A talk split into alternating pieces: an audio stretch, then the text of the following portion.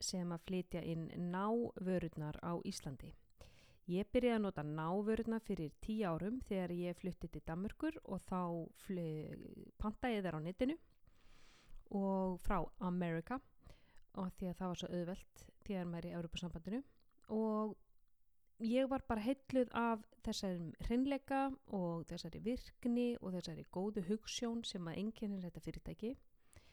Ég uh, get sérstaklega mælt með bræðdrópunum en ég er búin að prófa alla bræðdrópa sem hafa verið framleitir Norðan Alpa eftir 1990 og get með sanni sagt að þessir eru þeir bestu. Það er bara allt sem að kemur nálægt þeim verður bara svo bara gamli góði kjörís bræðarefurinn á bræðið. Ég nota mest karamellu, vanilu og kókos. Þeir eru svona mínir uppáhalds. Um, nádróparnir og alla návörurnar fást inn á háverslun.is og þið getur notað kóðan rakkanagli20 og sparað ykkur 20% og það munar um minna í byttinni. En í þessum þætti þá tala ég við ástísi Rögnu Grasalækni. Hún er alveg sérstök vinkona mín og við höfum nördast mikið samanhaldi fyrirlestra og námskeið út um víðan völl og, og, og út um land allt. Ástís er grasaleknir, hún útskrifaðist árið 2005 og hefur rekið eigin stofu um árabil í Reykjanesbæ og í Reykjavík. Um, grasalækningar snúast um virkni lækningajurta og hæfni þeirra til að bæta heilsu fólks. Um, við rættum um alls konar heilsuteng, til dæmis hvaða bætefni nýtast okkur, til dæmis þegar kemur að svefleysi, streitu og síkulöngun, við tölum um heilsu kvenna, við tölum um hvað mataræði best, hvað virkar og hvað ekki og við höfum mjög svipaða nálgun á að við þurfum að hafa þetta svona svolítið skemmtilegt til að ná langvarandi valhoppi á heilsubrautinni. Ástís hefur einni gefið út uppskriftabæklingum súkulaði fyrir svona súkulaði perra og þeir fást í nettoverslununum. En ég vil bara vona að þið e, njótið þáttarins og verðið einhvers fróðari. Takk fyrir að hlusta.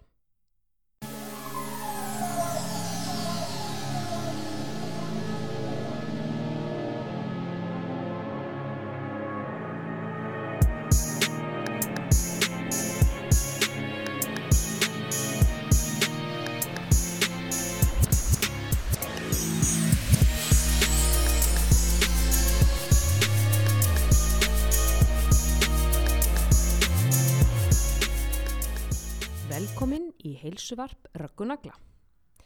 Ég er nú komið með eina drottningu í heimsótt til mín, heilsu drottningu með meiru. Þetta er Ástís Ragnar Einarsdóttir eða Ástís Grasa eins og hún kalla sér sjálfa á samfélagsmiðlum. E, Ástís Grasa Læknir er hún. Ástís, kynntuði nú fyrir fólkinu. Heyrðu bara takk fyrir bóðið. Alltaf gaman að hitta þig. hjartanlega velkomin og takk fyrir að gefa þið tíma til að koma í heilsuvarpið. Ekki spurning. Þetta er náttúrulega útrúlega flott framdakjöð, bara til lukku með þetta. Takk að kjallega fyrir. Mann og blötu bak verun, sko. Það eru... Já, já. Það er svona eins og... Slípast til með einn daginn. Já, maður er svo eitthvað ríðandi lamp eitthvað staðar að reyna svona að feta sig áfram í þessum tækni heimi en þetta kemur allt saman. Já, já. So far so good, þessu ekkur sagði. Henda sér bara í djúbulauðina. Já, ég syns að þetta er, er hérna fimmbarnamóðir úr Keflavík og hérna er syns að hérna, já, grasaleknir, þar auki. Já. Uh, hérna lærði syns að í útskjöfust 2005 frá University of East London í Breitlandi Mm. með BS gráðu í grasalekningum og hef unni við þetta bara alla götur síðan og, og hérna já, ég er náttúrulega bara eins og ég segi, ég er hérna keflingingur í húð og hár Mm. og, og hef bara áhuga á öllu mögulegu í lífinu bara svona almennt heilsusamt svona kannski aðalega Hvað gerir, heilsamlegu mataræði og líf, lífverðni já, hvað gerir grasalæknir? já, þetta er Þið nefnilega eru nú ekki nema þrjára landinu. Já, við erum bara þrjár sagt, með hérna, men, svona löggilda mentun í fæinu. Hvað er þetta langt ná? Þetta er, sko, þegar ég var, voru þetta fimm ár í BS, Mm, svo er mm. þetta að taka master, Mm. en svo núna er þetta fjögur ár og inn í því eru náttúrulega þessi 500 hérna, clinical hours eða Mm. clinical tímar, Verknám. verknám er inn í því Mm. og þá sækja mér í rauninni tíma bara, maður getur sótt á ýmsum klinikum sem Mhm. bara eru um samið Mhm. í Breitlandi, það sem ég lærði og þetta er, sérst, grasalæknir í rauninni er, er að vinna bara mjög heildrand, það er Mm. í rauninni mjög heildrand nálgun á heilsufarið Mm. Þannig að við erum í rauninni að við erum ekki að fara bara beint inn í eitthvað eitt líffæri, við erum að horfa bara á alla heildina, hvernig getum við komið jafnvægi á hérna heilsufar viðkomandi og bara stuðla að auknum bata Mm. með því að nota lækningaurtirnar. Jurta, jurta, já, náttúru, náttúru. Já, í rauninni sem eru auðvitað bara þessi náttúru lif Já, já, og, og náttúrulega megna í lifið með náttúrulega kemur náttúrulega frá úr jurtaríkjunu svo við vitum Já. Þannig, að, hérna, og ég held svona að mér finnst það á, á hérna bara svona landslæginu bara í heiminum að það er, við erum svolítið að fara aftur til Er það það er þessi með, þróunin er í raunin að fara svolítið þangað já. Komast Sem út er úr þessum gott. hefðbunnu vestrænu fabriku pillum og fara bara svona svolítið aftur í náttúruna og það sem hefur hjálpa okkur í gegnum, gegnum aldinni, en þær voru nú aldrei að elda seið hér í gamla daga, sjóða niður allskins lækninga jurtir og alls konar rætur og Já, og mér finnst, mér finnst alltaf opbáslega gaman að lesa um svona lækningajurtir og, og, og, og það, sko, langama mín var nefnilega, hún var, var vistkona hjá Sigvalda Kaldalóns. Já, Já, og hún var þar og hann var nefnilega svona svolítið óhefbundin kall, sko, og hann átti danska konu já. og þau voru svona svolítið spesko og, Mhm. og, og, og ég elst svolítið sérst, svo hver er, var pappi minni sveit hjá ömmu sinni og hann lærði ímislegt að henni og á mínu heimili var áfengi mikið notað í lækningaskinni Mm. ef, að, ef að við systur vorum, vorum, vorum þreyttar í fótunum þá var bara borið vodki á lappirnar og ef við vorum með kvef þá var bara þrælaði okkur koniaki Já. bara þó við værum átt ára sko Já. Þannig að ég svona hef mikinn áhuga á þessu og, og segðu okkur aðeins svona hvaða jurtir ert þú svona að vinna með og hva, hvaða, hvers konar fólk leitar til grasalæknis? Já, sko, ef við byrjum bara að þú veist á því rauninni hvernig gengur vandamál? fyrir sig, þá er þetta í rauninni, þetta er bara svona viðtalsmeðferð og Mm. ég náttúrulega bara er með mitt svona kliníku sem maður myndi orða það Mm. og vinn sérst bæði þá í Keflavík og í Reykjavík líka, Mm. búin að gera þetta síðstliðin 13-14 ár, þannig að hérna og fólk bara bókar tíma og ég fer í rauninni svo mjög ítala yfir heilsufarið Mm -hmm. á meðan að kannski hefðbundin heimilslæknir þú veist það tekur nú 7 mínútur að þá tökum við alveg klukkutíma stundum einn og hálfan í Mm. fyrsta vittal Mm þú náttúrulega þekkir þetta sjálf maður þarf að fara mjög ítalega yfir sögu viðkomandi. Já, og þá er ég í rauninni bara að rýna í bæði núverandi einkenni þú veist hérna af hverju fólk er að koma auðvitað og leita til mín og við reynum auðvitað að vinna með það sem fókus. Mm en svo horfum maður líka auðvitað í bara alla hina fletina til þess að tengja saman í rauninni hvað er í gangi og þú veist bara fyrir sjúkrasaga og ég fyrir mjög náið í gegnum það alveg niður í bara þegar fólk er bara unga börn sko. Þannig ég vil í rauninni vita þú veist hérna er eitthvað saga um intöku, mikla intöku á síklarleifjum eða voru mikil veikindi þegar við komum þetta var lítill eða þú veist úlingsárum eða einhverja síkingar eða spítala vistir eða eitthvað, þarf í rauninni að taka bara mjög ítala fyrir sjúkrasögu líka. Já uh, því að það getur oft skýrt það sem er síðan hefur þróast og er í gangi í dag síklarlifja intaka, Bara hún hefur, já, mikil áhrif á, á, Já. á þarmaflóruna til Já. dæmis. Já, og hérna og hérna já, og syns, þannig að ég tek bara ítalega sjúkrasögu, Mhm. fer yfir í raun öll líffarakerfin, spyr fullt af spurningum til þess að Mm. ná sem mest hérna mesta upplýsingum um viðkomandi mm og svona einhvern veginn þannig raðast púslinn svolítið saman þá sé ég svolítið hvað átt ég get verið að fara og Já. hvað er í gangi undirliggjandi að ég er alltaf að hugsa, þú veist, hvað er hva, hvar líkur orsökin, hvar Já. byrjaði þetta veist, og hvar, hvar á ég að byrja að vinna með þetta í hvað líffarakerfið, eða hvar, hvar líkur ójafæðir unni mm, mm. þannig að ég er alltaf svona pínu detektiv maður er svona pínlítið setur sig í þannig stellingar að maður er að leita að hérna því og, og, og vinnus út fyrir þeim punkti og svo náttúrulega bara í kjölfarið þá stundu þarf ég að mæla blóðþyrstingin svona í fyrsta viðtal og gera svona grunnmælingar Mhm.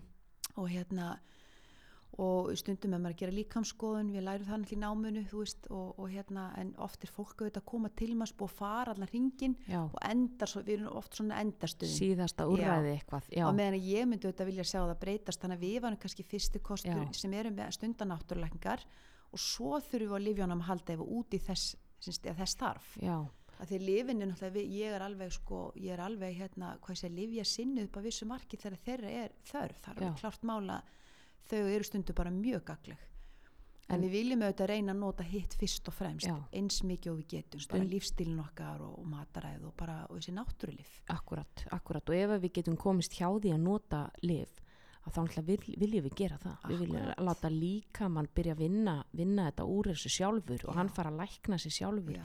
með bara réttum verkfærum sem eru þá náttúrulif, mataræði, lífstíl og þessar grunnstóðir að fólk sé að vinna í þeim þú veist, fá góðan svefn, fá Mhm. góða næringu fá góða Mhm. reyfingu og, og, og hjálpa líkamannum aðeins til Mhm. þess að sko, endurheimtinni og viðgerðinni þannig að hann jafnvel þurfi kannski einhver smá eh, verkfæri úr náttúrunni með það Mhm. og þar ke- kemur þú og þið svo sterk inn Já, maður er í rauninu bara að styðja við bataferlið bara á náttúrulegan hátt. Já, akkurat. Og maður, ég hef alveg sé bara stundum að breyta matara hefur viðkomandi. Bara hvað það eitt og sér getur haft mikinn ávinning og mikinn árangur. Bara aðeins að það þarf ekki að vera neinar öfgar en eitt slíkt heldur bara aðeins að svona svissa til hér og þar minka þetta aðeins auka þetta móti. Já, svona í góðu að þá er ótrúlega hvað vinst. Og jurtirnar ofan á það þegar maður notar lækningajurtirnar sem jurtalifin með Já. svona samhliða þá næst bara svo skjótur og góður árangur Ert þú að ráðleika sérst fólki með að breyta matari? Hvernig, hvernig við þú það? lærum bara, við lærum sérst í náminu þessa hefðbundna næringafræði, reyndar kannski með aðeins auka tvist eða svona að fara dýbra kannski aðeins í það heldur en hefðbundna læknisnám Mm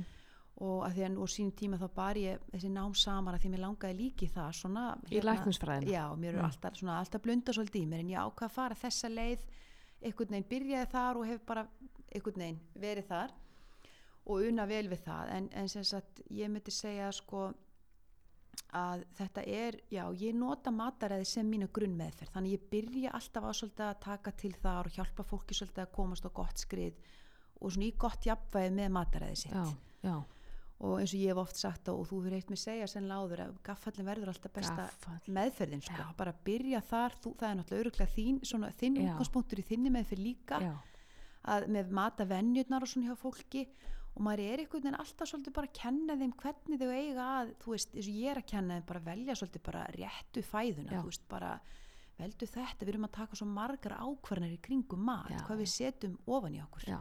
Og velja rétt á diski sin og mat sem að líka með kann að melta og ferla og brjóta niður og fer vel í okkur og, og eins og þú hefur sagt líka við erum eins og petritiskur bara allæfi, við erum alltaf að reyna að finna út í því, hvernig fer þessi matur í mig?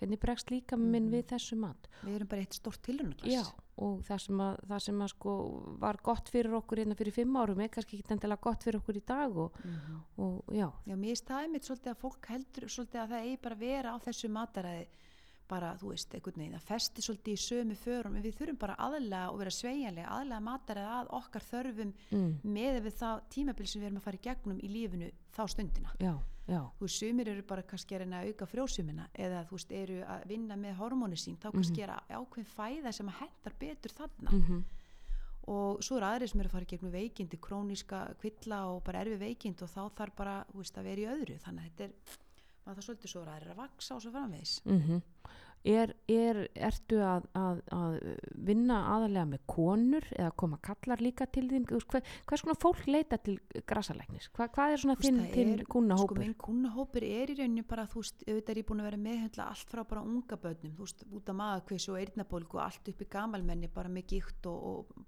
blóflæðis vandamál og þú veist, það er allt annað milli. Mm -hmm. Þú veist, bara hvort sem það heitir hérna kvef eða mýgrin eða liðverkir eða meldingavandamál eða þú veist, það er í rauninni að ég myndi segja samt að væri að megnum til konur. Mm. og konur kannski yfir svona 25-30 já, hver, til kannski konar 65, það er svona kannski stærsti hópurinn minn, bara konur með hormónavandamál er alveg rosalega algengt. Ok, og konar sem glíma við svefleysi, þú veist konur sem eru með kvíða, sem eru með smá debur kannski Mm. síþreitu, orkuleysi, slen eru jafnvel í börnátti sem að maður ætti sletta Mhm, smá kulnun kulnun. eru búin að fara bara að lenda á vegnum góða og eru bara búin að, þú veist, bara vera með allt og marga bolta á lofti allt og langan tíma Mhm. þannig að hérna, ég er rosa mikið að vinna með bara, þú veist, taugakerfi hjá þeim þú veist, koma jafnvæg hormónin þú veist, þær kannski fara ekki á klósti þú veist, nema einu sinni í viku, þannig að það er mjög Mm, oft er meldingin lösku og það er aðeins að vinna með hana Mhm. þannig að hérna, þetta er svona það er að ýmsa að taka en, en þú veist, mér finnst alltaf hvert veist, case fyrir sig bara mjög áhugavert að ráðast í það verkefni að reyna að hjálpa viðkomandi að komast á okkur stað sem að veist, bara ná auknu bat og sjá munin sjá, það er mér unni mesta svona, að rewardið við þessa vinnu, bæði hjá mér og sannlega þér líka, að sjá bara þegar fólki fer að líða betur er þú veist, maður leggur já. fram ykkur verkværi, þú veist, Já. eitthvað prótokól og hérna, við skulum bara vona að segja engin íslensku fyrir einhver hlusta okkur þú er náttúrulega með hérna íslensku pervert á mótið Já, þér, ég sko. veit Já. það, en við ætlum að sletta já. hljóma bara betur ég ennsku, veit, að, ég veit að það er líka að maður les alltaf fræðiteksta á ennsku þá er bara einhvern veginn enskan, hún er nærtakari Já, hún það er svolítið þannig Já, en En maður setur eitthvað prótokól í gang og, veist, og viðkomandi f- er fylgin sér í því og hann fer svolítið eftir því sem að maður leggur til og, og þá er bara, þú veist, þá er það bara þannig að fólk uppsker það og það Mm. bara finnur mun á sér, það eru minni bólgur og aukin, veist, aukin orka, betri svepp Mm. og bara meiri veljan. Já. Þannig að það er svo gaman í raun að sjá þetta gerast hjá fólki. Segi, ég segi það stundu sko að velgengni í starfi er, hún er, felst ekki sko í launasælinum, hún felst í það að horfa á, á skjólstæðinga sína öðlast betri veljiðan og aukin lífskeiði. Það er, það er Bara- velgengni. Bara hjartanlega Já, saman þessu. já. Þannig að konur sem koma til þín og eru með eins og segir hormóna ójafvægi, Mhm. hvernig, hvernig lýsi það sér og að hvaða hormónar og, og þú veist, hvernig vinnur það? þetta eru náttúrulega þessi þrýr, þessi gullna þrenna, þetta er náttúrulega þú veist estrogeni, prókistrón og testosterón sem maður auðvitað er að vinna með sem eru þessi hormóna sem við konur eru náttúrulega svolítið að eiga við Mm og meðan að kallarnir þeir sveiflast bara með sitt testosterón, þetta er svolítið einfalt sístem hjá þeim sko. Já, já. þetta er náttúrulega ekki alveg svona einfalt þeir eru svolítið að keira á því svona nánast engungu Við erum daldi flóknari Við erum verur. flóknari fyrirbæri sko. hérna, en þá er þetta þú veist, það getur verið bara skekkja og ég er að testa hormón, ég er að vinna með þess að kliniki í Kaupmannahöf sem ég vinn með og þau eru með yfir 140 test. Mm, mælur og það hormón? þau, já, ég er búin að vinna með þeim í nokkur ár og þannig ég er að mæla sagt, hérna, allan hormónabúskapin Mm og það er yfir gert á svona 19. til 20. öðrum degi tíðarings þannig við reynum auðvitað ef að konan er en þá með sinn tíðarning og veit cirka hvað hún er stödd þar þá reynum við að ná þessu, þessum glugga -hmm. þá fáum við mjög nákvæma lesningu á hormónin mm annars þurfum við svolítið að reyna að reikna þetta út -hmm. Og, og þarna er bara rosalega hvað segja, svona sunduluðin af hormónunum. Það eru Mm. allar afleiðurinn af hormónunum. Þú veist, það er ekki bara eitt estrogen, það eru náttúrulega nokkrar típur estrogen. Estro, já, og estrón og allt þetta, já, mm. og það er, það er líka ymsar svona afleiður af prókistróni líka Mm. og testosteroni mm. og það er DHEA sem er þá forefni, það er DHEAS sem er serum hérna, þetta eru forefni sem eru myndullum í nýrnettunum og við erum að mæla hérna, ég er að mæla í rauninni allt þetta og Mhm. náttúrulega skjálkitushormónu líka þannig Mhm. ég er að mæla TSH-ið T3, T4, Mhm. TPO sem er þá mótefni Mm ef ónæmiskerðir er að, er að hérna, trubla eins þar -hmm. og þarna bara getum þetta bara, þarna vinnum maður þetta miklu markvísara heldur en að gíska svolítið hvað er í gangi mm. þannig ég reynir svolítið að byrja þessu og fá niðurstöðnar, sjá hvað það standa Mm. Og nú er stundum náttúrulega get ég bara stundum sé þetta í gegnum hérna bara í rauninni sjúkrasöguna því þá bara sé ég einkenni eru þess eðlis að það er estrogen hérna, það er alltaf mikið estrogen í gangi já, þær eru bara með ómikið estrogen í blóðinu Hvernig lýsir það sér? þú veist, það getur verið, þú veist, þróti í brjóstum, það getur verið, sko, náttúrulega þessar skapsveiflur og það getur verið sveppvandamáli, getur verið kvíði, það getur verið ímissi einkenni sem geta komið, það er Mm. endar þau óverlappa svolítið einkennin af prókistróni og estrogeni, Mm -hmm. Þannig að hérna ber ekkert alltaf saman þessum hérna listum, en, en það, eru, það eru bara svona, það er svo- svolítið, svolítið mörg klínisk enginni sem konu getur verið að eiga við sem má reykja til hormóna og Já, þannig að þú veist mjög oft til dæmis segjum að þau eru lágar til dæmis í estrogeni þá, þú veist, þá getur líka verið bara þá eru þær að vakna svolítið snemma mótnan og kannski vakna þær fjögur. Nú, já, og get ekki sopna aftur. Hvernig stendur á því? Það er bara, sko estrogeni er í rauninni tengt inn á hérna svefnhormóni líka og inn á svefninum. já, það tengir svefninum Já, og já. estrogeni hefur áhrif náttúrulega á taugabóðefni önnur bóðefni líka eins og það er tengt serotoninu og Mm þannig að þetta er svo rosalega marg slungið hérna mm. apparat í rauninu Mm. hormónun okkar Mm. og, og líka bóðefnin, þú veist þessi svona, hvað ég segja, þessi, þetta á milli. Þetta eru þetta bara eins og heil hljómsveit, þetta er bara svo, veist, þetta er bara hvaða, hvaða, Já, hver er á trommunum og hver er á gítarnum þetta þarf alltaf að syngast er einhvern veginn saman. Já, til þess að úr verði eitthvað, eitthvað, eitthvað sem hlustandi er á. Já, og þannig að hérna, það, maður þarf að stilla þessa strengi svolítið vel, en þannig að það, það sem góða við það er að það eru þetta hægt að veist, hafa áhrif á þetta mjög vel til dæmis með jurtum. Mm, hvernig þá? Hva, hva, til dæmis ef að margar- kona kemur til þín með ofhátt estrogen Já, þá myndi ég til dæmis þar, þá myndi ég, veist, ég myndi, ég myndi strax hugsa okkur, þar hún kannski prókistrón til þess að aðeins að, að jafna og ná, stundum er bara prókistrónið of látt á móti þessu mikla estroginni mm, þannig að stundum er í rauninni bara þar maður aðeins að ná balansi bara á milli þessara tveggja aðal hormóna bara tjúna þetta Já, bara maður í stundum að takt. bústu prókisturinn á móti eða þá hún er bara ekki að livrinennar í fasa 1 og fasa 2 er ekki að offlóta umfram estrogen eða í rauninni að afveitira umfram estrogenið. Mm og bara þessi ferðlar í livrin eru bara ekki að ná að þú veist annað því. Þannig að Mm. þá, þá hlæðist upp aðeins umfram hérna Estrogen, estrogen já, já. því það er ákveðin, hérna, ákveðin feril sem estrogenið brotna niður og hvað gerir ástís grasalæknir þarna? Þú veist, þarna myndi ég til dæmis fara inn á livrina, ég myndi reyna að prófa það, auðvitað er náttúrulega best að testa hana fyrst, en ef ég myndi bara fara beint inn í þetta og, og, og meðhöndla, þá myndi ég vinna auðvitað með livrina mm.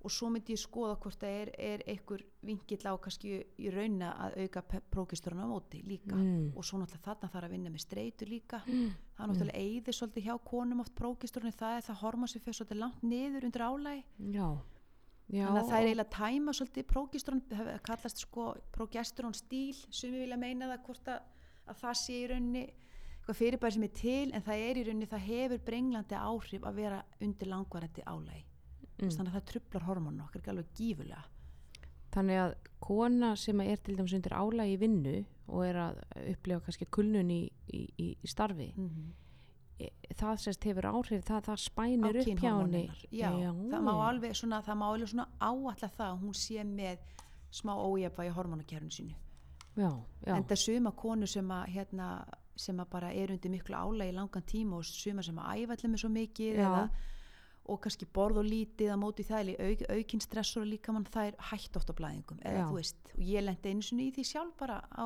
einum kapla í lífinu mínu þegar ég var svona alveg mörkonu bara að lenda í svona vægu börnáti fyrir einhverjum árum síðan. Já. þá bara, og, hérna bara frjósemin og það voru allt bara niður bara náttúrulega þessi tíðarhingunum bara datt út. Já. það var bara of mikið streyta í gangi og ég vissi það alveg og, og þá hérna og það, það, svona gerist þetta. Já, og það er líka uh, helst náttúrulega hendu við lága fytuprósentu já, mikið æfinga álag það er svo margt sem spilar inn í og margar, margar sko, íþróttakonur og, og afreks íþróttakonur glíma við þetta að, að, að, að tíðarhingurinn hann Raskast. hann raskast og, og blæðingar jafnvel dett út og getur tekið langan tíma fyrir þær að fá þær aftur já, upp, upp, að keira sko. Mm. ég fann það bara því ég fór að borða eins meira á þessum tíma þegar svo líka það meiri stressaður og þá oft íti maður þá er maður ekki einn svona maður hunsan aðeins mataræði pínu þarna Mhm, sko þegar maður er á mhm. svona kapla maður er að sigla í gegnum álæðið og bara leiðum að fóra að næra sig og setja næst mér í kolvetni þú veist og bara góð prótin og góð fytur og bara svona að fá þessa svona þessi, þessi grunnmólíkul fyrir líkamann að þá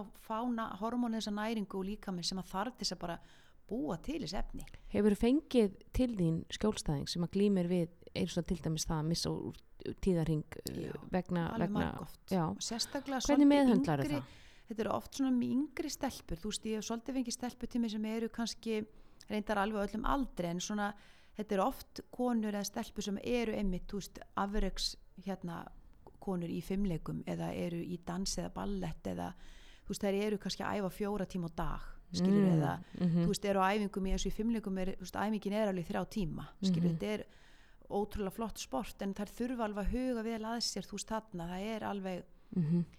og svo kannski halda þeir að sé að borða nóg svo kannski eru það ekki að borða nóg þú veist Nei. það kannski vantar eitthvað hans upp á það líka bara þannig að þeir sé að fá þessi grunn efni Já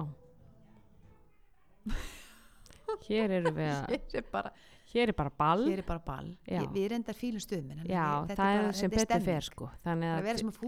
Þetta bakgrunns uh, hljóð sem þið heyri við erum hérna stödd í Scott Productions. Þeir voru svo vinalegir þessir öðlingar að leifa röggu nagla að nota aðstöðuna sína fyrir að taka upp podcast. Og það er greinilega einhver stemming hérna frammi. Mm -hmm. uh, okkur er ekki bóðið í partíið. Við ég sé að bara við erum ekki rétt klættar hérna fyrir fyrir svona eftirmiddagspartí. Nei. nei. En þú segir uh, en þá myndum þarna allir með spyrja og undirstu bara hvernig er streitu level hjá henni, vinna með það. Streitu stjórnum þarna er alveg líkilatriði og Mhm. auðvitað svefnin. Og svo myndum maður auðvitað skoða bara er hún að næra snó, er hún að fá úr þessum helstu fæðuflokkum sem að bara þar til þess að hún þrýfist mm, svo náttúrulega eru ákveð náttúruefni eða, eða svona bætiefni sem geta líka stutt við þetta Já, hvað myndur, Og- hvað er ráðlegur? þetta eru auðvitað alltaf tilfelli per tilfelli, þú veist, það er Mm. alltaf bara hver sjúkar að sagða fyrir sig, þú veist sumar þurfa meira þessu og meira hinnu Mm -hmm. jurtirna myndu kannski koma sterkastar þarna inn upp á hormónu til þess að koma leiðréttingu á það Mhm. en þú veist, í grunninni væri þetta náttúrulega, þú veist, er það ekki öruglega fá omega 3, þú veist, Mhm. bara að nóa því og Er eitthvað skortsenkin er, er Mm. eitthvað skortur á einhverjum efnum sem maður sér í fljótu veist, þannig að auðvitað er alltaf gott bara fjölvitamin og steinefna blanda bara alltaf góð til þess að baktryggja sig að þær séu þá að fá þessi efni Já, í kroppin Já, þannig að öll, öll, allir efnaferðlar geta unnið mm. svo er ég að vera sko mörgum tilfellum hefur maður séð sko að þær, þær uh, eru að borða ofsalega fytu snauða fæðu Mhm. Veist, og, og, og sérstaklega prótingjafarnir eru mjög magrir. Þetta eru Mhm. kjúklingabringur, þetta eru, er Já, fiskur, þetta er hvítur skilpunkturís og, og það vantar sko dýra fytuna, Já. vantar oft kólesteróli og það er oft það sem að sko tekur, ég lesi margar rannsóknir um það að það er það sem hefur áhrif á sko hormonabúskapin að fá ekki inn sko næga fytu, hvort sem hún kemur úr e, dýrafytu eða hvort það sé avokado eða, eða Mhm. oljur eða, eða hvað það er að, að, að svolítið hræðsla við fytuna Mhm. ertu samanlega því? ég, bara, ég er algjörlega Mm. sammála og Mm. ég bara ég ætla ekki að segja eitthvað hvað ég borða mikla fytu því ég, bara, ég er sólgin í fytu mm Mhm. ég finn bara að líka með minn hann þarf þetta og ég, mér líður rosalega vel af svona svona vel af góðri fytu Já, og bara eins og bara hérna kólestról við, þurfum náttúrulega kólestról við búum til hormónun okkar úr kólestróli hún er stelpur löðrið í ykkur smjöri. Bara upp og niður Já. eins og þú myndir segja. Já, já. Upp enda og- smjör er bara með því betra sem maður fær sko. alveg, þá meina ég sko alveg smjör frá berginu, já, ekkert eitthvað unni með einhverju grammetis oljum, einhverju blöndun. Bara við viljum fá þetta bara eins orginal og við bara getum, að því við þurfum að Við ég þurfum- held smá mettaða fytu sem er þá bara getur komið þá úr jurta eða dýraríkinu þannig við þurfum hann alltaf ég meina, nú er mínus átta úti hérna hjá okkur einmitt, við erum að ganga bara við á erum að ganga Já. í kuldanum Já. sem veitur okkur bara sem er orkugjafi og heldur okkur hita sem veldur þessari insulation í rauninni í Mm. úðinni og við þurfum bara held ég svolítið mettaða fytu á móti hinni þessari fjölamættu til þess að bara, bara meika það sko en við þurfum að huga vel við konur að, að því að borða vel að fyttu, hvort sem að einmitt það er smjör eða, eða, eða góðar, góða fyttur úr, úr við búum ekki til hormón nema við höfum fytu, Já. það er bara svo les en hvað með svona eins og eldri konur sem koma þín, Hva, hvaða vandamál eru þær að glíma við? það er náttúrulega breytingaraldurinn og Mm. það fæ alveg gríðarlega mikið til minna því Já. og ég er orðin bara, myndi sé hans í lungi við að að hérna, ég er að leiðbina þeim þar, þú veist, það er til alveg svolítið að bæði hérna góðum bætefnum og eins og sé þannig er, er, er ég með tölvört á jurtum sem ég get hjálpaði með Mm -hmm. og þá er ég auðvitað, þannig eru hormonu auðvitað farin svona, farin að dvína svolítið Mm og þá þá maður aðeins að bústa það upp og er einu örfa það ef að þeir eru með einkenni sem að vísa ég að þeir eru með óláan hormonabúskap Mhm.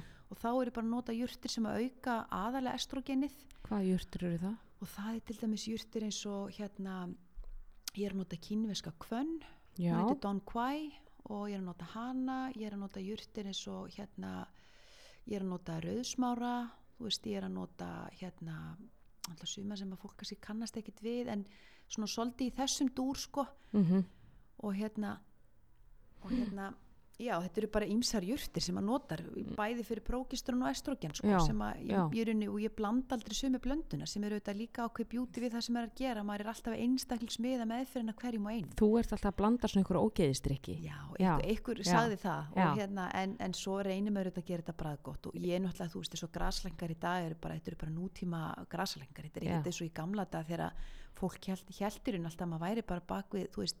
Já. ekkert eins og í gamla dag þegar fólk held, heldirinn alltaf að maður væri bara bak við, þú veist, einhvern pott, Já. einhvern galdrahatt, Já, skilur, já, veist, bara, við, bara með einhverja rætur í seiði, þú veist, auðvitað er þetta bara, nútíma graslækningar eru bara, þú veist, mjög mikið til í dagornar byggðar á vísindagrunni, þú veist, Já. búið að rannsaka mikið af þessum jurtum, og þannig að þetta er ekki endilega bara word of mouth í rauninni, bara munn frá munni, þú veist, í gegnum aldirnar, skiluru. Nei, og svo eru líka eh, komið svo mikið bara af góðum jurtalifum á markaðin Þa, Já. það eru náttúrulega uh, Nú er þetta fyrirtæki ekstraktar mikið, þú veist, Já. þeir eru farin að nota þetta svolítið ekstrakta og og þá eru búin að einokra virkuefnin og setja það í hilki og, og þú getur keift þetta orðið bara ég minna þú lappar inn í nett og, og þú getur keift frá ná þú getur keift sko rótióla því ég veit að þú ert nú Mhm, alveg, alveg mhm. sérstök uh, fræðimanniska um rótióla e, þú getur keift svo mikið af þessum ekstraktinn með, kókúk tíu veist, allt þetta getur orðið bara keift út í búð. Veist, þetta er, þetta er allt annað allt hennu veröld fyrir Já. okkur núna. En svo náttúrulega og með þetta þú veist að það er já, náttúrulega eins og ég líka með hilkja vel þannig að þú veist, þó það séu kannski ekkert alltaf gott að bræða þá getur maður alltaf sett þetta í hilki Já, já, það er alltaf að þessum þau. góða áhrifum sko, en eins og hilkin út í búð að það er náttúrulega þú veist hérna á Íslandi svolítið hersta reglu með innflutninga á öllu svona bara eins og Mhm. jurtum og svona og þú veist maður skilur það að vissu leiti að því að að því að það eru þetta ef fólk fær að kaupa sér ykkur tíu bætefni eða tíu tegundur jurtum svona over the counter sem maður segir yfir borðið bara í Mm. ykkur heilsubú þá það má heldur, það getur auðvitað verið ykkur milliverkanir, skilur þannig að það er líka að ráðfæra sér kannski fagaðela ef að fólk er kannski að taka nokkur lif Mhm. og er að fara að blanda ofan í þetta jurtalifjum og vítaminum og, og, og bætefnum Mhm. það var alltaf betra að stíga valega til jarðar ég vil alltaf vera örugum með við línuna okkur auðvitað bara kenta á fyrsta árinu skilur við bara að hérna, gera það og þá þarf maður svolítið að skoða eru mögulega milliverkanir þú veist ef einhverjum til þess að taka blóðþunandi lif og ætla líka að taka ginkgobilóba og kvítlugsekstrakt já, það er bara, það er bara bannvæn blanda sko, það bara má ekki. Já, já. Og það er bara, og svo kannski viðkomandi hann er fyrir aðgerð, þú veist, í nýðagerð eftir tvær vikur, það má með sig ekki eins og taka þinnandi fyrir aðgerð, þú veist, að taka þú veist, þá er svona mikið því að bæði hérna er ginkgobilóba og kvítlögurinn í ekstraktformi eru frekar mikið blóðþinnandi Já, og það er náttúrulega að sko, að fólk passi sér líka á því hvað, hvað þarf ég? Já, og við erum svo mikil Akkúrat. hjarðdýr að við, við erum erum oft mikið svona í þarna. lesa og um lestum einhver eitthvað bætiefni í fréttablaðinu og það er bara, þú veist, Heyrðu, einhver ég ætla að taka raspinni þetta. ketónar og eiga, þú veist, að með, verða bara hója slank við það. Og þá er viðkomandi bara búin að kaupa það og þú veist, fyrir sex og skall og alltaf bara að fara að gúfa því í sig. Já, og eins líka bara með að við erum að sjá eitthvað sko, við erum að tala um taka játni, að taka B- D-vitamin að taka B-vitamin og, og við hlaupum til og kaupum en við vitum kannski ekki það getur vel verið að við komum til sér allt á hári og, og sumir eru með þenn, þetta er náttúrulega eins og sjúkdóm það sem eru að hlaða bara þess að játni já, ymmið þannig að við þurfum og svolítið það að getur komið skoða þreytu enginni það þú Já. sem er í rauninni svipuð og að þú væri lári játni sko. við þurfum að skoða bara hva, það, hvað þarf ég, hvað Já. þarf minn líkami algjörlega. heldur en að hlaupa alltaf til og, og, og hvað er magga hérna hinu með þú veist við grindverki að kaupa og gera? Ég ætla að mitt heilsufar og Já, mína líðan og hvað, hvað ég er að vinna með? Já, því við erum akkurat, öll náttúrulega að vinna með eitthvað aðeins í pókahotnunni sem snýra heilsun okkar. Já. Það fá allir eitthvað í póka sinn sko. Ég nákvæmlega. Og ég meina við vitum það bara til dæmis fyrir mig, ég þarf að taka aukalega B12, ég Já. æfi mikið þannig ég Já. spæni það einhvern veginn upp og finn þá bara einkenni af því. Við þurfum náttúrulega flest öll að taka aukalega D-vitamin í, Mhm. í núna frá svona september fram í, fram í apríl. Akkurat. Og síðan getur maður svona byggt bara ofan á það þú veist að taka kannski magnísíum fyrir svefnin ef okkur Mhm. finnst svefnin ekki vera Mhm. nóg góður mm og eins og ég talaði um á með, með Róti Jóla, það var svona þú sem mælti með því Mm. við mig og, og það hefur nú bara verið algjör game changer fyrir mig, en ég þakkaði náttúrulega bara kærlega fyrir þær Já, bara það er bara komið böndum á bara kortisólið og bara róar Mhm. taugakerfi hjá mig, ég á betri æfingar ég er bara Mhm. recovery hjá mér er betra ég á betri svefn og, og þannig að getur Mhm. þú aðeins frætt hlustendur um þetta þessa, þessa, þetta töfralif eins og ég vil kalla Já, það. er náttúrulega ekki töfra í þessum heimi þóttu myndu vilja það en það, hún er samt svona semi-pínu töfrajurt þessi jurt, við Já. getum alveg sagt, sagt, sagt það. En þetta er jurt sem heitir Burnurótt og íslensku og ég gerði bjöðisir í gerni minna um hana hérna á sínum tíma því ég var útskrifast. Eitti heitli önni að grúskir rannsóknum um hana og hérna voru flestar þetta rúsnesku þetta var pínu flókið en, en það var þó til alveg, töluvert alveg nóg fyrir mig til þess að geta hérna lesið um hana ótrúlega merkileg jurt og hún Mm. vex til dæmis mjög norðarlega hún og vex við erfi skilir þannig að hún Mm. þarf að mynda plantan þarf að mynda svona varnarefni til þess að verja sig fyrir bara hérna umkörnu sínu hún vex á Íslandi já hún vex á Íslandi, hún vex yfirleitt svona upp til fjalla þess að eru kallið líka artigrút hún heitir öðru nafni artigrút eða Mm. rótjóla mm. þetta er sama jurtin Rótióla er þá latneska eitið já, rótjóla og rósea er heitið já. og hún er oft kallið líka rósenrút eins og Mm. í Skandinavíu Mm. Artegrút, Artek þýðir náttúrulega bara þú veist fjallinn og allt þetta þannig að Mhm. hún vex oft upp til fjalla hún vex oft við erfiskilirði það sem er kallt og vindasamt og hún þarf alveg að hafa svolítið fyrir því að lifa af mm. og hún í þessu ferli þá framleiði plantan þessi varnarefni þessi Mm. svona þessi, og það eru þessi verndandi efni sem að síðan efla okkur. Ah, þessi er ekki hún er búin að fara ja, hún Já. er búin að fara í gegnum erfileika Já, og hjálpar okkur að fara í gegnum erfileika Já, þetta er svolítið magna hvernig það virkar en það eru þessi varnarefni úr plöntunum oft sem að eru þessi sterku efni sem að síðan styrkja okkar ónumiskerfi og, mm, og svo framvegis. En Mm. það sem hún gerir fyrst og fremst fyrir okkur og að taka hann inn mm, að hérna, ég var að skoða hana í ríðgerni minni svolítið mikið bara með tilliti til tauga hérna kvilla, mm þú veist hérna aðdeglusbrest og, og hérna og kvíða og síþreitu og streitu og ég var svolítið að horfa í þessa þætti sko Mhm. í, í, í þessu. Mm, og hún er alveg gríðarlega góð, hún er bara, hún, það má eiginlega segja hún sé taugastyrkjandi eða mætti orða það þannig. Mm, og hún er það sem að kallast adaptogen Adaptogen. adaptogen í Já, skjurt, það er ekki til íslenskt orði við það og, og hérna og til dæmis bara Panax gingsin, allar gingsin jurtirnar fl- eru þarna, lakrisótin er líka þarna. Mm, og þetta er allt jurtir, þetta eru- fleiri jurtir undir þessum hatti en þær eru allar þess eðlis að þær ebla mótstöð okkar gagvat streitu álæg já, og þær ebla mótstöð okkur líka þær eru yfirleitt ónæmistirkjandi líka. Já, þannig að þær eru svolítið svona pínu svona kraftaukandi, ef maður getur sagt það þannig ég hef alveg fundið það. Já, hún hefur ekki hjá taka kraft á æfingum. Já, hún, hún bara hefur, hún er þegar ég var að skoða hana, þá hún hefur mikið verið notu fyrir fólk sem er í vaktafinu þarf að vinna nóttinni, já, það voru gerð rannsóknir áni á læknarnefnum sem þurfti að vaka á nóttinni já, það það? voru gerðir svona spurningalistar fyrir og eftir, þú veist, á takana á bara hérna alertnessirunni á bara árverkni og minni og annað sko, Mm, þú veist, bara mm. því hún hefur áhrif náttúrulega hérna upp í höfðinu bara á, veist, hugsun og Já, fleira sko, já. þannig við erum svona meira vakandi að takana, þannig að hún er svona örfandi en ekki sko, ekki svona eins og maður myndi taka kaffi og krassa koffin í, nei, nei, nei, hún er nei, ekki þannig nei, hún er ekki, hún gefið þér ekki bara eitthvað búst og svo er Nei. hún bara farin sko. nei, það- nei, Gingsin myndi hins vegar reynda að gera það Já. þú getur aðeins fengið svona mikla stimulation af henni og svo getur það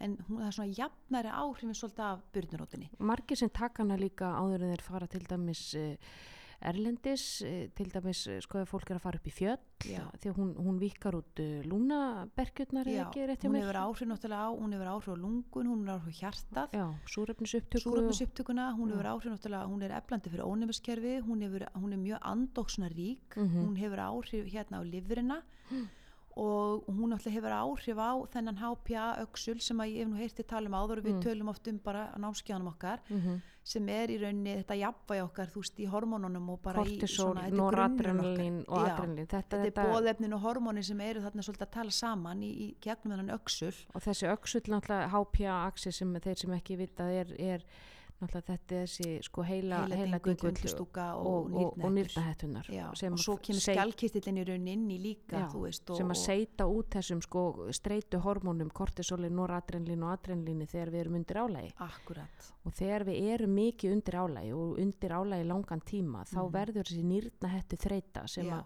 það er stöðugt verið að, að, að, að uh, sko löðra út uh, kortisólinu þannig að Mhm. við erum bara syndandi og svamlandi í því mér finnst róti jóla hafa verið svona það sem að eh, ég hef prófað ímislegt í Mhm. þessum efnum en, en það var heila ekki fyrir en róti jóla kom til söguna sem að mér finnst hún Mhm. svona hún og B12 vera það sem hjálpar Já, mér mest já, í því bara sko mjög gott að heyra Já. sko, því hún, hún hefur náttúrulega hún hefur aðeins svona lækkandi áhrif eða svona sparandi áhrif á kortisólið. Já, þannig að hún er ekki bara að hafa áhrif á, hún hefur áhrif á orkuna sem Mhm. sagt, hún er, hún er nótu við sleni og síþurrt og orkuleysi þannig að hún, hún er mjög gaglið til hún hefur há vetur hjá okkur í myrkrunu mm þegar hérna til þessu vetradebur þá náttúrulega alls ekki að nota hana kannski við mikilli, hérna, miklu þunglit og mani og slíku. Það, mm, það náttúrulega þarf ekki, að ekki klíniskum Nei, Nei. En, en svona vægum einkennum og, og auðvitað þessu sleni og þessu síþreitu orkuleysi en hún er líka að hafa áhrif á streituna þannig að hún er svolítið að buffera niður mm, kól, hérna ko- kortisoli Mhm. þegar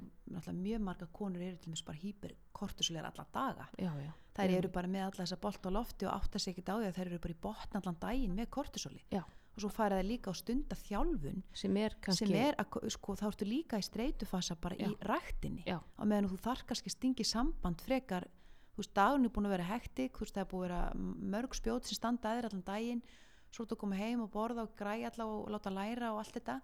Þarna þarftu kannski bara að fara í góðan göngutúr og stingi samband. Já, og það, það þetta er það sem að sjá, sjá oft um, sko ekki það, ég, er nú mikill talsmaði þess að, að, að rífa vel í jafnið og, og, og, og, hamast og djöblast en, en sko, stundum erum við á því skeiði í lífinu og marga konu þess að verið að halda öllum boltum á loftið, það verið berjast ykkur í setniparts trafík eins og ljón Mhm. sko, og í ártúnsbrekkunni og, og reyna að ná og skutla og, og græja og gera og sækja og íþróttir og allt saman Mhm.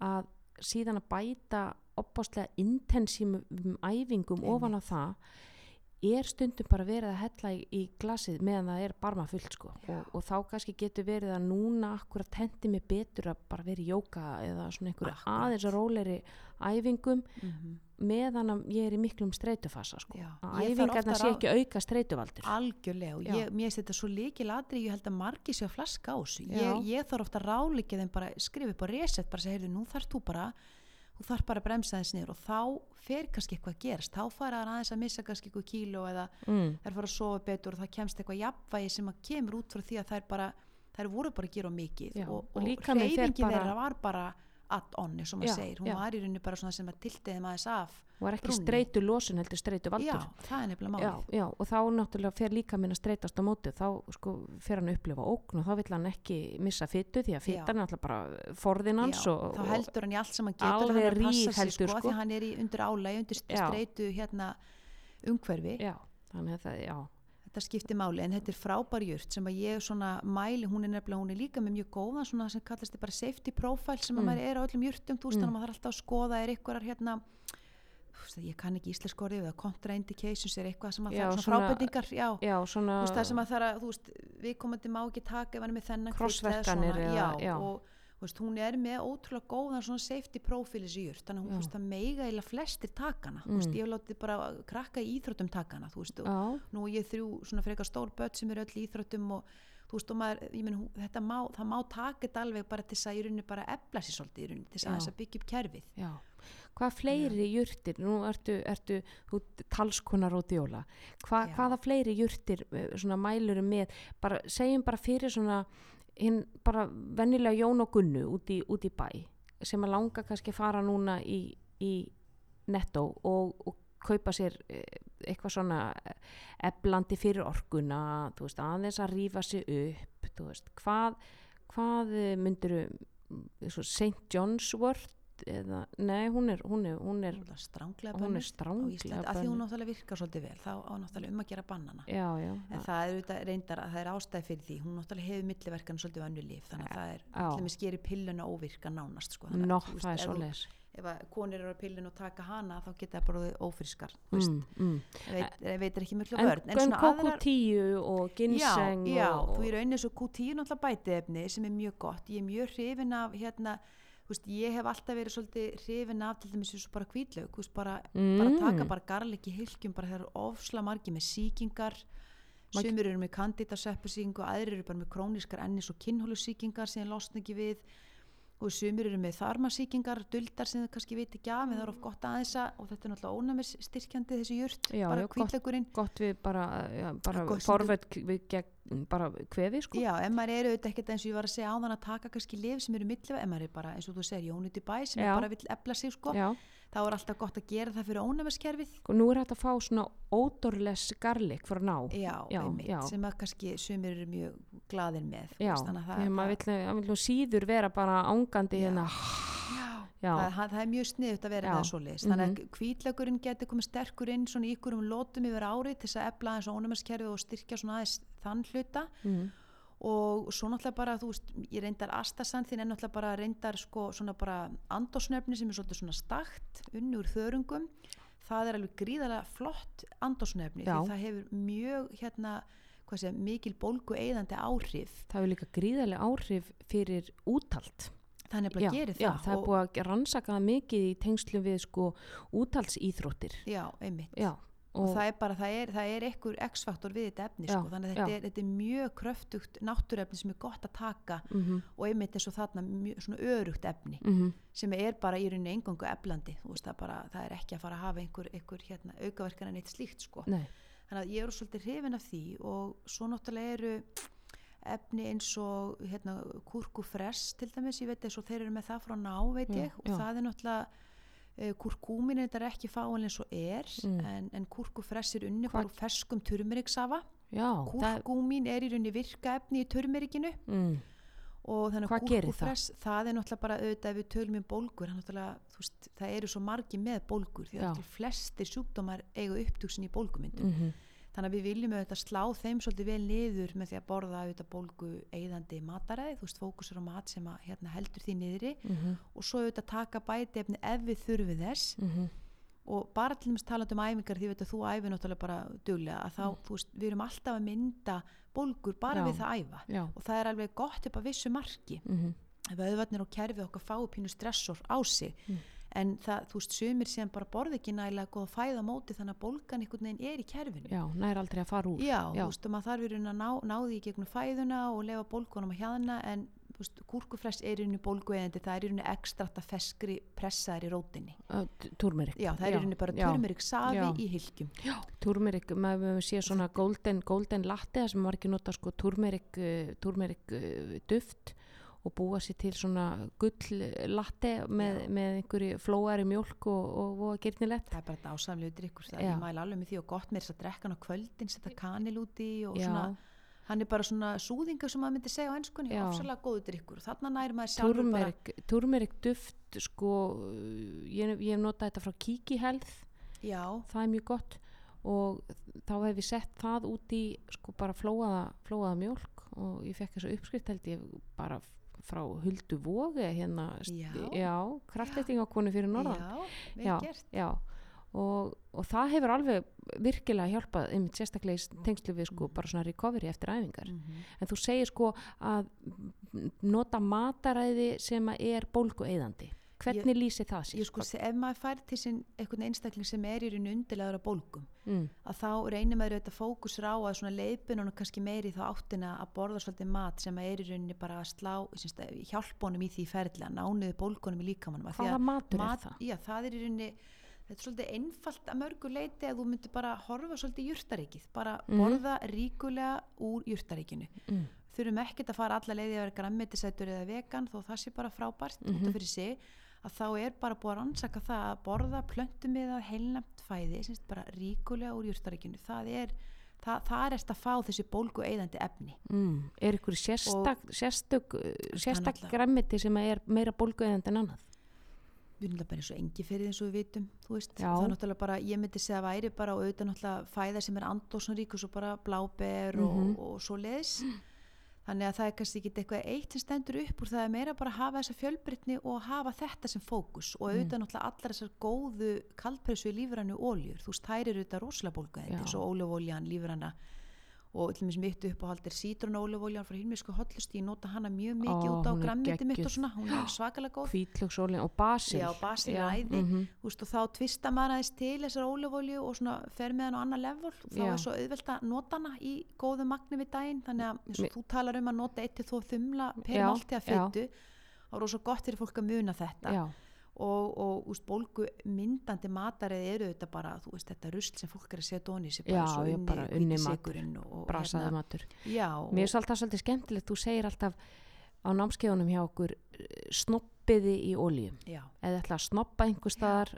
eða smá aur aukalega mhm, gerið það í ólíum Já. hafið þær kaldpressaðar, hafið þær lífrænar Mhm. hafið þær í dökkri flösku mhm, helst með smá gruggi mhm. þannig að þær séu því sé dökku fleri gott, því sé að fá gott uh, góðar óljur inn í Mhm. ykkur ekki eitthvað bara úr plastikbrúsa uh, einhverja gamla, gamla yðnaðar ólju Já. Af hverju eigum við að snoppa í að því þetta er bara, þú veist, þær eru bara smörningin á vélinni hjá okkur sko. Og þær eru eins og maður tala um áður með hormónin veist, við þurfum að búa til mótefnum ólíkul fyrir ónæmaskerfi, þetta er, við þurfum fytu, veist, allar frumur eru gerðar úr frum, fytu ring mm. þær tala saman sín á milli bara frumurna, við þurfum að hafa hvað segja, góða næmni í frumurhimnu til þess að bara það geti tala saman, sko, Mhm, frumurnar okkar mhm. og þá þurfum við góða fytur þannig að hérna, og við líka fáum þessa mettun, þú veist, við erum ekki þá sísvöng og sínartandi og leita líka minni þá alltaf að leitast eftir og hann er ekki fullnægður, hann er ekki búin að fá sitt. Nei, einmitt. Þannig að þegar ég fór að auka fytuna hjá mér fyrir um einhverjum x árum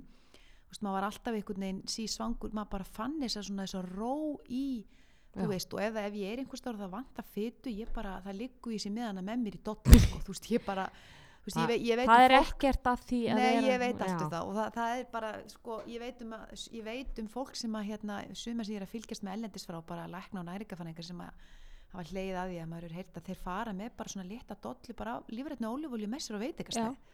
Af því þeir vita að óljan sem þeir eru að fá, þú veist, á veitingastanum eru þetta bara svona verksmið framleitt ykkur yðnarólja, Já. skiluru. Og þeir vilja bara fá góða steik með góðri fytu og Já. njóta, Já. þú veist, með góðu græmut og, og dröstla þessu yfir. án þess að fá sko svitan nóttina eftir Já, Og- það já. eru, þetta- þetta eru þetta bólgu myndandi óljur, þessar, þessar léli óljur sem Lélu, getur kallað, já. þessar transfitur eða þessar unnu verksmiðu framlitu Já. veist, þær eru, eru bólgu myndandi. já, Þannig að þetta er alveg pínlítið make og break, veist, hvað hva verður um þær í líkamánum ef maður er, þú veist, ég segja á önskunni, maður, bara maður þarf að vanda svolítið valið hana, bara líkil atrið. ég fyndi, finn það sko að þegar ég fer á veitingahús að, eh, og fæ mér uh, steik og, og þá finn ég það ef hún hefur verið steikt upp úr einhverju brasari einhverju, yðnaðar, yðnaðar olíu Mhm. ég finna nóttina eftir Mhm. ég, ég er með hjarslátt, ég sef illa Mhm. Ég, fæ, ég, ég, svitna mikið þú veist, Mhm. líka með minn hann segir bara að þetta var ekki gott og það er ekki vegna þess að það, það er ekki kjötið sko. Mhm. það, er, það er, er ekki gæðin á kjötinu heldur, það er gæðin á olíunni sko. Mhm. og það er oft sem að, einmitt eins og þú hefur sagt það, það er, þeir nota ofta á veitingastöðum til miður, bara Mhm. lélegar olíur sko. Mhm. en nú ert þú með námskeið um svona reynd mataræði og svona reynsun Já, Já. ég er yfirleitt með svoleiðis tvisur ári Já. og þá er ég bara með bara hérna lítinn bara lokaðan hóp sem ég fylgi vel eftir mm -hmm. og að því ég hef nú bara tekið þann pólni hæðina, ég hef svona, ég aðhyllist engar öfgar í neinu sem snýra mataræðinu, ég bara, maður er ráðan það þroskar eitthvað inn í dag, maður er búin að lesa svo mikið og læra svo mikið og sjá svo mikið í gegnum tíðina þegar snýra mataræðinu að maður er svona komin svolítið bara svona í þessa miðju svolítið og ég til dæmis aðhyllist ekki ykkur þegar, sem þegar kemur að ykkur svona hreinsunum, ég ekki, ég er ekki að senda konuna mínir á ykkur savakúr eða Nei. láta það svelta sig á okkur, okkur söfum allan daginn eða veist þannig að ég unni, hef gert þetta bara í gegnum árin með góðum árangri og þetta er bara, þetta er góð leiður til þess að bara núlstilla sig aðeins fyrir þá sem þurfa þess Mhm. og þannig maður bara svolítið að styrja við bara almenna útrænsun og svona afvitrunarkerfi líkamanns bara með góðu plöntumiðu fæði og þannig að nota maður Mm. náttúrulega jurtalif eða svona jurtir með og bætefni sem styrja við lifrina við flóruna, örfa meldinguna til þess að losa betur út hægðir og svona eða eru kannski eins og ég segi bara hægðatreða og, og, og vandamál tengt hægðunum Mm. Og, og hérna og svolítið svona eins og ég segi, þetta er bara fín núlstilling til þess að svona starta sér en mann, en mann finnst maður aðeins þurfa að koma jafn á hlutina. Mm. og þessi námskeið hafa verið mjög vinsaljöðar eða ekki? Já þau hafa alltaf verið mjög vel sótt og, og hérna eins og ég segi, ég er bara yfirlt með tvö svona ári já, og er núna með eitt núna í lok februar sem er að starta, við erum að starta einum hópi þá og erum svona að byrja að auðlýsa það núna. Mm. Og svo er ég með hérna námski framundan líka í mars og apríl sem að er sem sagt, eitt námski heitir heilsa kvenna og hormónajafvægi já, og þar ætla ég bara að fara svolítið inn á veist, hérna svo fyrirtíðaspennu, þú veist, Mm. ráðirinu náttúrulega ráð og bara hvað getum við gert sjálfar, þú veist, í Mm, gegnum lífstilin okkar mm. í gegnum þessi bætiefn og jurtir og bara, þú veist, hvernig getum við sjálfar enda að koma okkur í jafnvægi, þannig Já. ég ætla að fara aðeins inn á það og auðvitað inn á hormónin og inn á aðeins breytingaskeið, mögulegin og hérna ófrjósemi hérna PCOS, fjölblöru, ekkjastokkahelginni og svona aðeins svona stikla og stóru yfir þessa helstu kvilla sem við konur erum svolítið að eiga við. Þess að gefa þeim smá verkværi til þess að aðeins að takast á við þetta sjálfar. Mm -hmm. og svo auðvitað stundum þurfa þær að koma bara og, og leita tíma og gera þetta aðeins markvist bara svona hérna one on one sem maður segir í Já. meðferð og fara svolítið í svona gera meðferðarplan fyrir þær sko.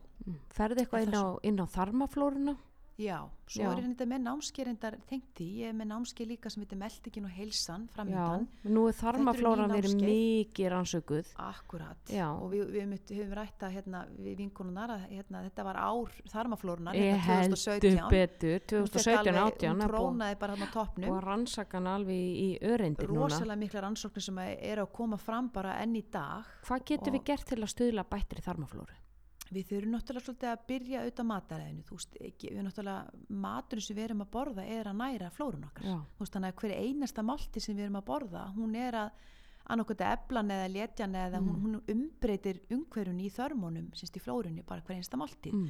þannig að byrja auðvitað fæðinni og taka út þessu unnu fæðu sem við vitum öll að er að skada flóruna Mm. Og er að íta undir vöxt á óaskilum örfurum, þú veist, ef við erum að nota mikið kolvetn og sigur og sætindi og borða bakkelsi meira bara af, af uh, fæðu sem Bara kemur bara fæðu beint sem af- að- beint af beint bara beljunni hreina sko. fæðu, bara, veist, bara, bara fisk, kjöt, kjúkling, Mm. góðar fytur, fræ, hnetur, þú veist, bönir og, og, og hérna Og kolvetni, bara ávexti- og já, að- rótagræmiti, er kínóa, bókviti, þú veist, Já. bara allt þetta næri flóruna, þú veist, að þetta er svo auðvelt sko bara matur sem er ekki með miða. Akkurat, þú veist, kartabla er bara kartabla hún það þarf enga innæðslýsingu á hana. Nei. Og þa þannig er náttúrulega flóran okkar hún veit hvað hún á að gera við þennan mat. Já, hann er fullt af, af trefjum í, í kartöflunu, meiri sem svo í hýðinu Já, og auðvitað í kartöflunu sjálfri en hún, þú veist, sem að hefur áhrif bara sem er næring fyrir sem við köllum prebiotic fiber sem er í rauninni bara svona trefjar sem að, að flóra nýtir til að ebla, sagt bara í rauninni að fjölga sér þessa góðu, góðu, eh, góðgerlarnir. svo er náttúrulega bara góðgerla pró, probiotics Já, probiotic sem við erum þá að tala um í inntöku og Mm. þarna getur við verið náttúrulega að fá það líka í gegnum, þú veist, það eru góðgerlar bara í eplaðið mm, og þú veist, það eru góðgerlar auðvitað í súrkáli og veist, og, og, kimchi og, þessu kimchi sýrða og- græmmeti Já. Já.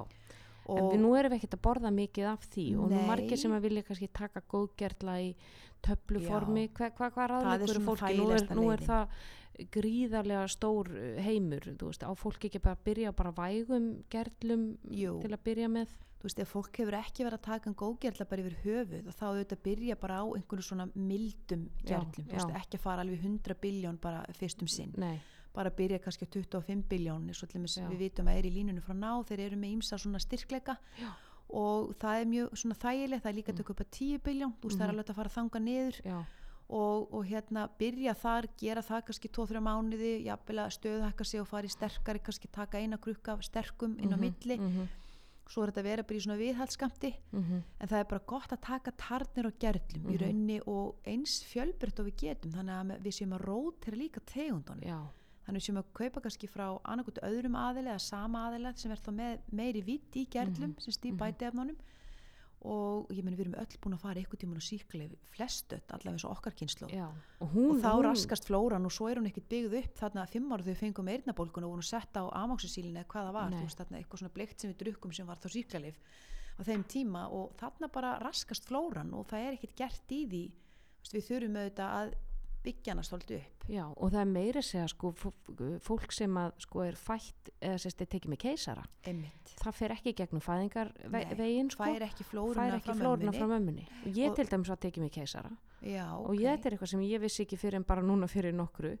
Og það, einmitt, ef það haft ykkur áhrif á flóruna mín í gegnum tíðina, maður, maður svona bara, já, Ég sko, það- þeir, það er að koma aðeins betur í ljós með þetta, þetta Já. er svolítið nýtt að nálina þessi fyrir að ræða þetta með Mhm, flóruna, mhm. einmitt með börn sem eru tekið með keisara. Mhm, og þau, þau geta átt í hættu að fá þú veist, þú veist aukinn tíðina á einhverjum asma eða einhverjum Mm. exem eða einhverjum batna því þau fá ekki þessa í rauninni þessa eflingu gegnum ónæmiskerfi sitt að fá flóruna þú veist, þau byrja ekki já, þau þurfa að fá hana auðvitað í gegnum húðkontaktin á mömminu og gegnum Já. umhverfinu bara þú veist, já, eftir, þessi tími líður já ég get allavega sagt fyrir mína parta að ég held að sé fáið mig eins stert ónæmiskeru og ég, ég bara, ég fæ ekki hór í nös Nei, Nei. þú ert náttúrulega algjör Það, ég, ég, ég, ég er alltaf nagli sko. já, já, já, já. en það er einmitt, ég hef oft veltið fyrir mér sko, hvort þetta hafi haft ykkur áhrif frekar sko, með, með sko, fæðu og, og, og hvernig sko, líka með Já, nýtir fæðu fæðu já, því já. með þóli ég ekki vel mjölkuvörur og, og svona hitt og þetta sko. þannig að, að maður ma velti því líka fyrir sér, Já. þarmaflóran hefur á, víðtak áhrif rosalega Já, mikil áhrif þannig að Þetta er bara, þarna þarf maður bara að byrja og það er náttúrulega margt sem er að koma í ljós ennþá sem við vitum ekki, við Já. vitum bara svo lítið brotabrót og í Já. rauninni við erum í rauninni bara af okkar hérna líkamsning, þá erum við í rauninni það er talið að við séum 23 kíló bara örverur, pælti því. Þú veist, við erum í rauninni 10 svona meiri örverur heldur en frumur. Já, það er bara bakteríur. Já, við erum miklu meiri svona heldur en frumur. kíló af bakteríu Já, Já. basically takk fyrir tíkall sko. Já, það er svoleiðis. já, og það er alveg svolítið mikið að með fyrir að pæla í en Já. auðvitað, veist, þetta er auðvitað mjög víð þetta er auðvitað á húðinni og já, þetta er auðvitað bara veist, í nefinu og öndunafæranum og veist, þetta er auðvitað í leggangum og þvagrásinni þetta er í endaþarmi, meldingun allri og bara víðar sko já þannig að eplaðið, sírt græmiti, góðgerlar Já. passa fæðuna, borða Já. hreint fæði þetta passar allt upp á þar og taka husk siljum dæmis. husk er gott Já. glútamín til dæmis, það hefur hjálpað mjög mikið það, mikið. Það bytja er- svona filmu inn á, inn á þarmaveggina Það er rauninu bara svona viðgerðarefni fyrir það sem við köllum leka þarma og Já. það er svona fyrir bara sem er svolítið nýtt að nálinni, það Já. er ekki vissum að sé alveg búið ratin í laknabækurnar, það heiti Já, veist líki gött. syndróm þú veist, en það er, það er bara fyrir bara, það er ekki sjúkdómur en það er svona ástand sem skapast í rislanum, í þörmunum Já. og það bara, bara það að fara á nokkru síkla og þá er maður búin að mynda svona pínlítil svona göt á rislinum, Mm. þú sjáist ekki ykkur hérna ristispegluna, þá, þá geta ómeltar fæðögni fara að leka út um þarmana pínlítið Og- svona eins og gatasikti þetta er bara svolítið svo gatasegt þetta er Mm. bara við erum með þetta þjætta net í þörmunum sem er á að vera selektíft á hvaða mólukur fari í gegn og hvað ekki Mm.